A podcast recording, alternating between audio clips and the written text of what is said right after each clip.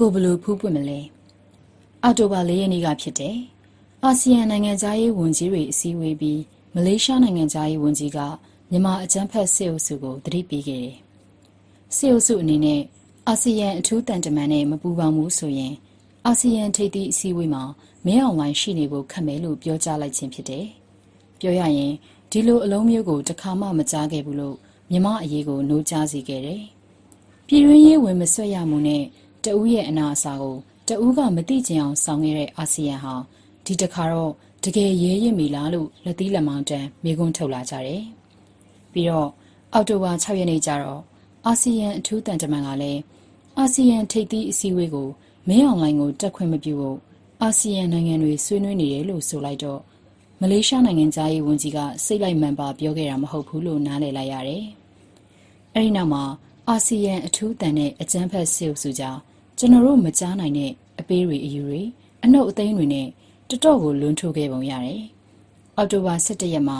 အာဆီယံအထူးတန်တဲ့စစ်အုပ်စုလက်ဝေခံနိုင်ငံရေးပါတီရှစ်ခုတို့နေပြည်တော်ရွေးကောက်ပွဲကော်မရှင်ရုံးမှာတွေ့ကြမယ်လို့ကြားရစိတ်ပြက်ကြရပြန်တယ်။အာဆီယံအထူးတန်ကနေပြည်တော်လာဖို့စီစဉ်ထားတဲ့ပုံပါပဲ။နေပြည်တော်လာဖို့လေးစိရောက်ပြီးလေရင်ထွက်ခါနီးကြမှာလေရင်မော်မတက်တော့ပဲလှည့်ပြန်ခဲ့ပုံရ နေပြည်တော်လာဖို့တော်တော်စိတ်ကစားခဲ့ပုံရပါတယ်။နေပြည်တော်ပွဲပြက်ပြီးမကြခင် အောက်တိုဘာ15ရောက်တော့အာဆီယံနိုင်ငံသားရေးဝန်ကြီးတွေက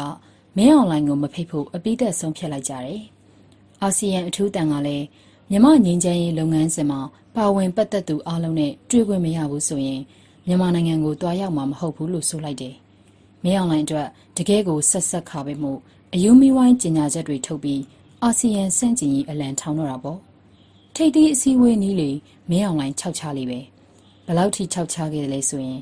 အာဆီယံထိပ်သီးကိုမဖိတ်လဲတက်မှာပဲဆိုတဲ့အပေါက်မျိုးနဲ့လူမိုက်လိုလိုညနေပြောင်တိုက်တာလိုလိုကျင်ညာချက်တွေထုတ်တဲ့အထိကြောက်ကြရက်ဖြစ်ခဲ့တယ်။တထောင်ပေးတထောင်ခွဲပေးနေစားတွေစုပြီးမင်းအောင်လိုင်းကိုထောက်ခံတကဘာလုံးကိုမြေလံကန့်ကွက်ကြဆိုပြီးကြက်မပြည့်တဲ့ထောက်ခံကန့်ကွက်ပွဲတွေလည်းပေါ်လာတယ်။မင်းအောင်လိုင်းကိုမဖိတ်ရင်လည်းဝင်ကြီးအဆင့်လောက်ဖိတ် ဝင်ကြီးလောက်တောင်မဖိတ်ရင်ဘယ်သူကမှမဖိတ်နဲ့ဆိုပြီးနောက်ဆုံးအချိန်ထိရမလားလို့ဈေးစစ်လိုက်သေးတယ်။ကျွန်တော်တို့ပြည်သူတွေဖြစ်ချင်တယ်လို့မင်းအောင်လိုင်းတယောက်အဆက်တကွဲအကျိုးနဲ့ဘဝနဲ့ထိပ်သီးအစည်းအဝေးနဲ့လွဲခဲ့ရတယ်။ကျွန်တော်တို့ပြည်သူတွေရဲ့အာယုံဝင်စားမှုတွေကအောက်တိုဘာတလလုံးထိပ်သီးအစည်းအဝေးတွေပုံဩခဲ့ကြတယ်။ထိပ်သီးအစည်းအဝေးပြီးတော့ရောကျွန်တော်တို့ဘလို့ရှိဆက်ကြမှာလဲ။ထိပ်သီးအစည်းအဝေးပြီးမြမအရေးဟာဟင်းလင်းပွင့်နေတယ်လို့သိရှင်းလွန်ပါတယ်။ ကျွန်တော်တို့ကထိပ်သီးအစည်းအဝေးကိုသာပြစ်မှတ်ထားထားပြီးထိပ်သီးအစည်းအဝေးရဲ့ဟိုဘက်ကိုထည့်ဆင်းစားဖို့ပြက်ကွက်ခဲ့တယ်လို့ပါပဲ။ထိပ်သီးအစည်းအဝေးရဲ့ဟိုဘက်ချမ်းကိုအာဆီယံကရောဘယ်လိုစဉ်းစားထားပါသလဲအာဆီယံအတွက်ပြောစရာကအချိန်အကန့်အသတ်မရှိတဲ့အာဆီယံသဘောတူညီချက်9ရက်ပဲရှိပါတယ်ထိပ်သီးအစည်းအဝေးပြီးနိုဝင်ဘာ2ရက်နေ့ကပြုလုပ်တဲ့အာဆီယံစီးရင်စစ်ချုပ်ရုံးများထိပ်သီးအစည်းအဝေးမှာစစ်အုပ်စုဒုကောင်ဆောင်စိုးဝင်းက အာဆီယံမျှော်လင့်နေမှာဆိုလို့တေချာအောင်ထပ်ပြောခဲ့တယ်ဒေါအောင်ဆန်းစုကြည်နဲ့တွေ့ခွင့်ကိုလုံးဝလက်ခံမှာမဟုတ်ဘူးဆိုတာကိုပေါ့ဒါကိုနောက်တစ်မျိုးပြောရရင်မြမအရေးအာဆီယံရဲ့ဂျားဝင်ညှိနှိုင်းမှုကိုလုံးဝလက်ခံမှာမဟုတ်ဘူးလို့ပြောလိုက်ကြပါပဲ။မင်းအောင်လှိုင်ရဲ့လမ်းကတော့ရှင်းပါတယ်။အခြေခံဥပဒေအရအချောင်ရခဲ့တဲ့လွှတ်တော်တွင်တက်ကိုယ်စားလှယ်25ရာခိုင်နှုန်းရောစစ်တပ်ကြီးတရက်လုံးရောပြည်ခိုင်ဖြိုးနဲ့လက်ဝေခံပါတီတွေရောပေါင်းတာတော့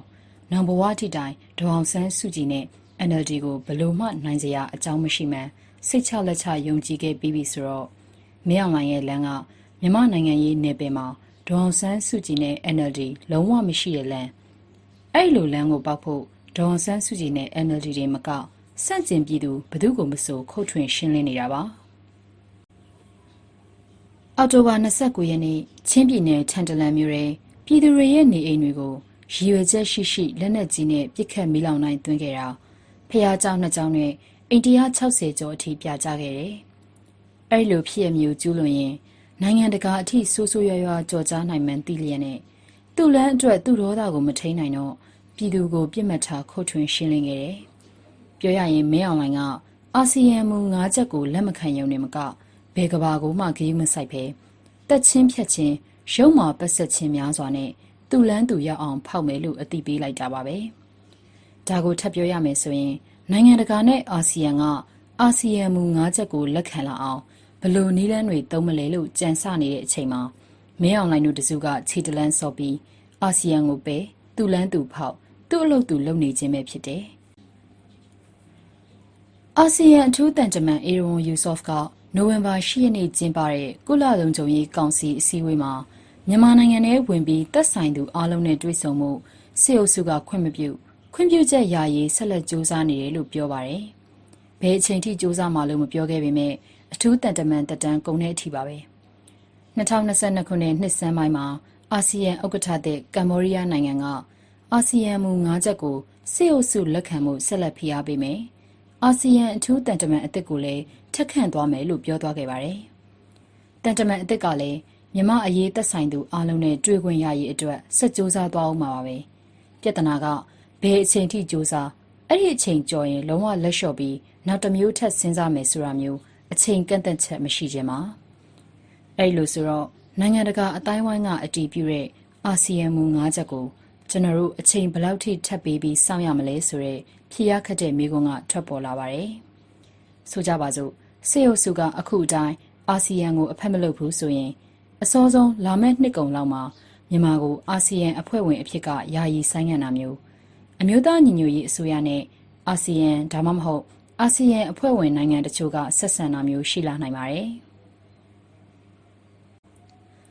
အခြားတစ်ဖက်ကုလသမဂ္ဂလမ်းကြောင်းကနေတဆင့်မင်းအောင်လိုင်းနဲ့အပေါင်းအပါတွေနိုင်ငံတကာရာဇဝတ်ခုံရုံးရောက်တာမျိုးရှိလာနိုင်ပါတယ်။ဒါပေမဲ့အဲ့ဒီလိုအခြေအနေမျိုးရောက်ဖို့ဆိုတာကတန်တမန်လမ်းကြောင်းထုံးစံအတိုင်း တရွေ့ရွေ့နဲ့ကြာလေးရှိရမှုမင်းအောင်လိုင်းပြောတဲ့အရေးပေါ်ကာလ2023ထိလည်းရောက်သွားနိုင်ပါတယ်။မင်းအောင်လိုင်းအနေနဲ့က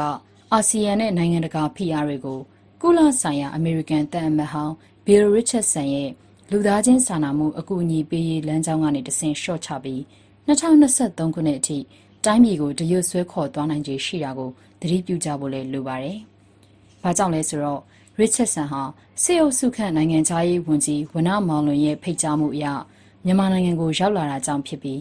စေအုပ်စုနဲ့ Richardson ကြားမှာသူတို့ပြောနေတဲ့လူသားချင်းစာနာမှုထက်ပိုတဲ့နိုင်ငံရေးမျှော်လင့်ချက်လည်းရှိနိုင်ပါတယ်။အနစ်ချုပ်ပြောရမယ်ဆိုရင်တော့အာဆီယံမူ၅ချက်ဆိုတာမပြီးနိုင်မစည်းနိုင်လိတ်လိုသွားမယ့်လမ်းကြောင်းဖြစ်ပါတယ်။အဲ့ဒီလမ်းကြောင်းပေါ်မှာရလက်ကောင်းတစ်ခုဖြစ်လာတဲ့အထိစောင့်နေရတဲ့ပြည်သူတွေက ကမ်းခြေမှာအပန်းဖြေခရီးထွက်ပြီးစောင့်နေရတာမျိုးမဟုတ်ပါဘူး။ငတ်မယ်ပြက်မယ်အချိန်နဲ့အမျှအသက်ခံအဖမ်းခံဘဝပြက်ခံရမယ်။ထန်တလန်လိုလက်နက်ကြီးတွေလည်းကြမယ်။အဲ့ဒီလိုလေးစံရေစံမုံတိုင်းထန်နေတဲ့ငရဲပင်လယ်မှာစောင့်နေရတာပါ။ဆိုတော့ခက်မြန်မြန်ပြတ်နိုင်မယ့်နီလန်းမျိုးကိုကျွန်တော်တို့စဉ်းစားရပါမယ်။လက်ရှိမြမအရေးကိုမြန်စရာနီလန်းကတော့တစ်ခုပဲရှိပါတယ်။နယ်မြေပိုင်ဆိုင်မှုရှိလာတဲ့အထိကိုယ့်အရှင်ကိုမြင့်တင်နိုင်ရေးပါပဲ။အမျိုးသားညီညွတ်ရေးအစိုးရက အစိုးရအာဏာရှိကြောင်းလက်စုပ်လက်ကင်ပြနိုင်တဲ့အထိနယ်မြေပိုင်ဆိုင်မှုရှိခြင်းကနိုင်ငံတကာကိုဒီအတိုင်းသွားလို့မရတော့မှန်းခက်ဆက်ဆက်သတိပေးလိုက်တဲ့သဘောပါ။ဆိုလိုတာကအာဆီယံမူ၅ချက်ကိုကျွန်တော်တို့လက်ခံထားဖို့လိုပေမဲ့ဘယ်အချိန်ရောက်လာမယ်မှမသိတဲ့ဒီမူ၅ချက်ရဲ့အသီးအပွင့်တွေကိုငုတ်တုတ်ထိုင်စောင့်နေလို့မရဘူးဆိုတာပါပဲကိုအားကိုကိုကြီးကအဓိကပါနိုင်ငံတကာအတိုင်းဝိုင်းရဲ့ထောက်ခံမှုနဲ့ဖိအားက ຫນွေဦးတော်လန်ရေးအတွက်မရှိမဖြစ်အရေးပါပေမဲ့အဲ့ဒါချက်ပိုအရေးပါတာကကိုရန်ရဲ့အားဆိုင်မှုပါနိုင်ငံတကာဖိအားဆိုတာကိုကိုဖြစ်ချင်တယ်လို့လုပ်ယူလို့မရပါပဲကိုရန်ရဲ့အားဆိုင်မှုကိုတော့ကိုဖြစ်ချင်တယ်လို့တိစောက်နိုင်ပါတယ်ကျွန်တော်တို့ပြည်သူတဦးချင်းစီရဲ့စိတ်အားထက်သန်မှုနဲ့ထဲ့ဝင်နိုင်စွမ်းကသာຫນွေဦးတော်လန်ရေးကိုအဓိကဆုံးဖြတ်ပေးမှာပါ။ຫນွေဦးတော်လန်ရေးရဲ့တက်ဦးမှာရှိနေတဲ့အမျိုးသားညီညွတ်ရေးအစိုးရနဲ့လည်းအလုတ်တွင်နှုံနေပေမဲ့ အထီးကိုက်ကင်းတဲ့တန်တမန်ရေးလမ်းကြောင်းပေါ်မှာသာအိမ်မက်မက်မနေဖို့အရေးကြီးပါတယ်။ယခုဆောင်ပါကိုရေးသားသူကတော့လင်းခစ်ဖြစ်ပါတယ်။ရေတော်ဘုံအောင်ရမည်ရေတော်ဘုံအောင်ရမည်